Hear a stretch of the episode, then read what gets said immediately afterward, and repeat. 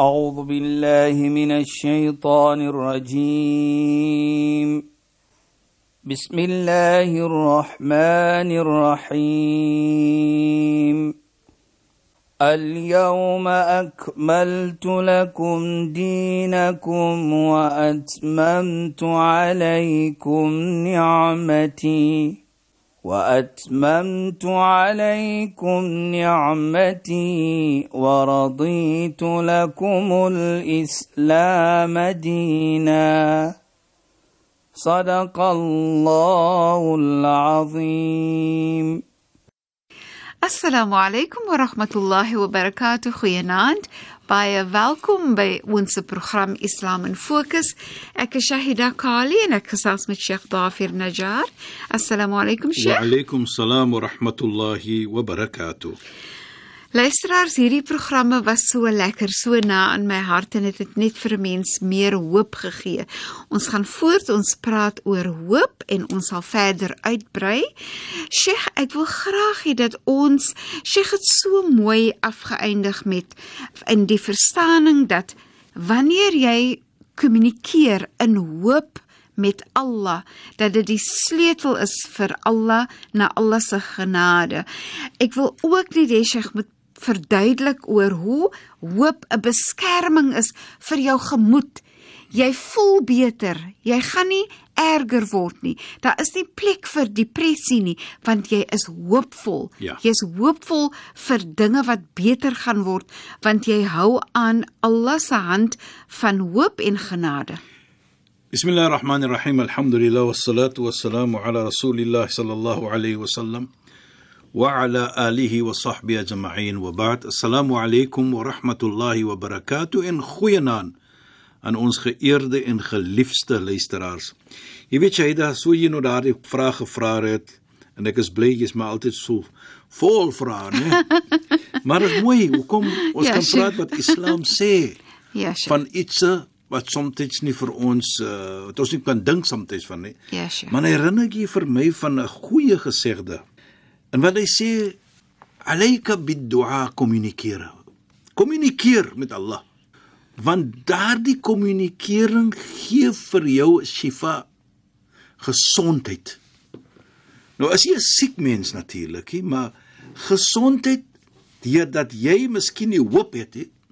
Nou as jy kommunikeer met Allah subhanahu wa ta'ala, dan gee dit vir jou daardie 'n gevoelendheid van hoop. Waar hy nou sê, dit is die gesondheid van jou liggaam. Ja, Sheikh. Jy weet Shahida, as ons kyk ons salah wat ons maak 5 keer per dag, daar kommunikeer ons direk met Allah subhanahu wa ta'ala. Onthou ons sê iyyaka na'budu wa iyyaka nas. U alleen aanbid ons en u alleen smeek ons om hulp. Dan vra ons ihdina sira, lei vir my na die regte pad. Jy kommunikeer met Allah subhanahu wa ta'ala. Ja, Sheikh. En ook wat sê die heilige profeet as jy in sujud as jy daar op die grond jou kop sit aqrabu ma yakunu al-'abd ila Allah wa huwa sajid. Die naaste wat 'n persoon kan kom na Allah is terwyl hy sy kop op die grond sit. Nou wat sê die heilige profeet? Fas'alul mat, vra vir Allah wat jou hart verlang. Kommunikeer met Allah. Ja. Nou sien ons dit. Nou wat sê die heilige profeet vir Sayyidina Bilal radhiyallahu an? Arihna biha ya Bilal met die salat. Bring as comfort met hierdie salat wat ons nou gaan doen ja Bilal. Nou Bilal is mos die persoon wat geroep het mens na die salat toe in die tyd van die heilige profeet. Nou sê hy gee vir ons daardie lekker gevoel. Mm -hmm. Daardie tranquil gevoel deur die salat want dit is wanneer ons kommunikeer met Allah subhanahu wa ta'ala. Ja. So as jy daar staan, stres is weg. Ja. Jy voel nie swaarheid nie in jou lewe nie. Deurdat jy nou kommunikeer met Allah subhanahu wa ta'ala. Sheikh, net dit hoe is mooi. pragtig nie, Sheikh. En net om te sê dat Ja. dan dink jy en ek het nog iets anders. Ek wil nog vir Sheikh vra van die hoop vir om 'n baba te hê en hoe die profeet Zakaria Ja. in sy hoopvolheid al was hy hoe oud, maar hy het nog Profeet steeds Abraham bly bly hoop om die baba en ek wil graag hê Sheikh met daaroor Ja, daaroor praat nie. Maar ek wil ook sê nee Sheikh, die mooiheid in die geskenk ook van die gebed, die sala wat ons 5 keer 'n dag moet maak. Nou kyk ek en ek probeer om dit te bring in ons alledaagse gewone lewe. Ja, so- wanneer 'n mens hartseer is, nee Sheikh, of jy's bekommerd oor goed of goed is swaar of is moeilik of is donker en so aan, hè. En dan het jy hierdie 5 keer per dag wanneer jy praat Presies, met Allah presies. om hoop vir jou te bring reg deur die dag Ja. en hoe dit jou affekteer want omdat dit so ook versprei is reg deur die dag. Ja. Dis nie net een keer 'n dag nie of een keer 'n week of so Nee, nie. nee, nee, Dis reg deur elke dag om vir jou te gee die geleentheid om te hou aan Allah se hand en om te kommunikeer met Allah, né? En dit is wat ons sê Shaida. En dit is wat ons verstaan en wat ons genoem het van kommunikeer met Allah. Ja. En deur Allah se genade. Dit is 'n sleutel van Allah se genade om te kommunikeer. Dit is 'n sleutel van die hoop wat jy het in Allah subhanahu wa ta'ala. Jy gaan dit kry. Jy moet dit kry. Van die Heilige Koran, hy promise vir jou dit. Die Nabi sallam, die heilige profeet, hy gee daardie belofte vir jou. So is vir jou nou om nader te kom om te kommunikeer met Allah subhanahu wa ta'ala. Soos hy gesê het, ons doen 5 keer per salah. Nou ek kyk baie kere hierdie gesegde ook aan. Waar hy praat van die hemel. Die heilige profeet.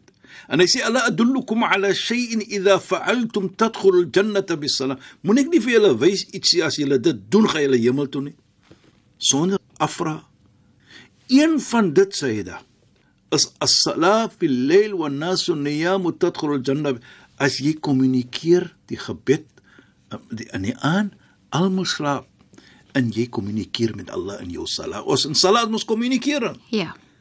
Hy sê as mens slaap, kommunikeer jy met Allah, doen daardie gebed, salat, dan sal jy hemel toe gaan. Jy daardie hoop. Mhm. Mm ek gaan kommunikeer met Allah vanaand. Ek gaan daardie twee rak'ats maak vanaand. Deur te kommunikeer want in die gebed wat ons doen volgens Islam is kommunikering met Allah Ja. in alle omstandighede. Hmm. Jy praat met Allah, jy bedank vir Allah, jy prys vir Allah en jy vra ook vir Allah. Jy vra vir al. Jy kla by Allah Jy ook. kla ook by Allah. Ek sê altyd kla by Allah, vra vir Allah. Presies, Shahida. So outomaties wat ons al sê dat wat sê Nabi Muhammad sallam sê vir Sayyidina Bilal, "Arihna bi." Dit maak vir ons comfortable ja Bilal met dit. Ja. Comfortable bedoel? Ja. Gee vir ons terug daardie hoop. Geef ons daardie genade wat Allah vir ons gaan gee. En die Dat beskerming, né? Gee die beskerming, daardie lekker gevoel as ons kommunikeer met Allah Inderdaad. subhanahu wa taala. En en, Dit is vir my baie belangrik. dis regtig pragtig en Sheikh, ek wil net gou net vra nee Sheikh. Ja, dit. Dan sien jy hoe kyk ons verstaan dat die ehm um, profete het in hulle lewe ook moes hulle swaar kry en hulle dinge deurgegaan Ja. en dit was nie altyd maklik nie maar tog nie sien jy ook hoe die verhale van die profete eintlik 'n verhaal van hoop is Vir ons. is dit nie so nie nee En Sheikh? ek kyk Allah praat in die Koran van die stories van die profete. ja Sheikh Dan sê hy ook vir ons. Ek Ja, kyk die profeet Josef, ja sy storie. Sy broers was jaloers vir hom, volgens ons verstaan. En ons ken die storie. Sommige wil hom doodgemaak het, sommige sê nee, moet hom doodmaak. nie. Toe vat hulle hom van die put en daar gaan hy op. Toe kom hulle en hulle neem hom na Egipte in 'n paleis, na die koning na die koning van die paleis Firaun. ja Daar het hy groot geword. Nou kyk net daardie oomblik hoe Allah vir hom beskerm het. Mhm. Mm hy was 'n kind, maar hy het nie hoop opgegee nie. Hy het altyd in sy vader in presies Saida, Nabi Jakob, ja het nooit nooit oop opgegee nie.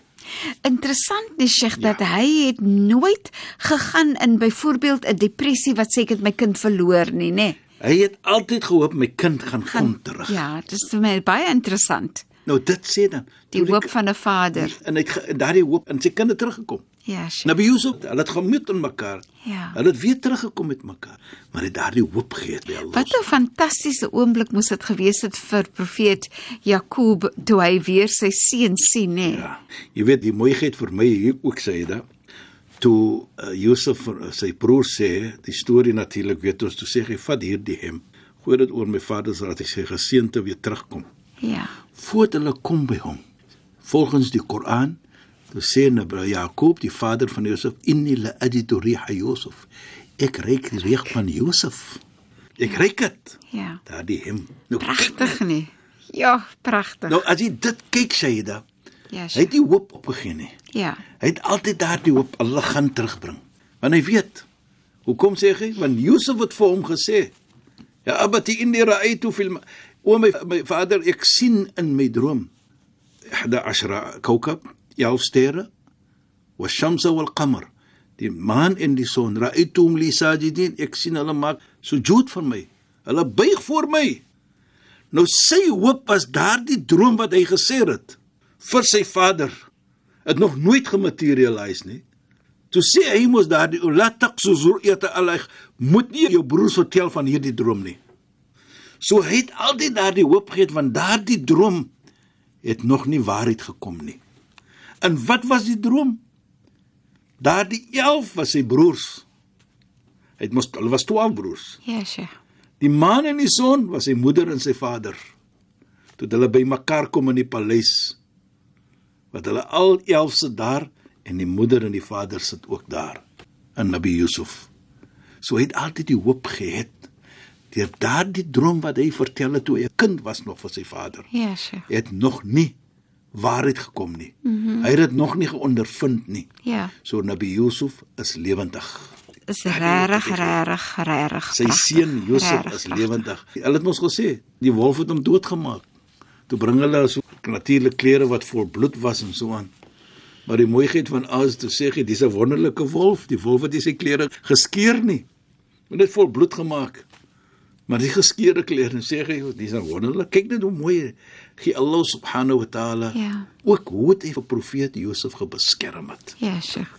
Dit is 'n wonderlike storie in die Koran is vol dit. Ja. Inna qasasul haq waarlik waar die stories is 'n stories wat vir ons net kan beter mens maak. En dit gee vir jou hoop, nee Sheikh. Presies. En en baie keer soos as mense hierdie versies in die Koran lees, dan sien jy as, as Allah praat van kom ons sê nou die geval van van profeet Jonas, die die geval van profeet um Abraham en so, dan sien jy in die volgende versie hoe Allah beloof dat as wanneer jy na Allah draai, wanneer jy doen wat Allah sê dat Allah vir jou ook gaan hoor en Presies. dat Allah Hy vir jou gaan- ook gaan gee, Hy nee. gaan jy weet Ja. vat die storie van profeet Moses. Ja, Sheikh. Hè? Ons ken die storie van die droom van wat die man Firaun was nou, die leier daarvan of die persoon wat gekontroleer het uh, van in Egipte, waar hy gesê het enige kind van hierdie stam wat gebore moet word, moet doodgemaak word 'n 'n seentjie. Profeet Moses was van daardie mense. Maar kyk hoe het Allah gegee. Sê vir die moeder van profeet Moses, Nabi Musa, sit vir hom in iets en sit hom in die water in die rivier.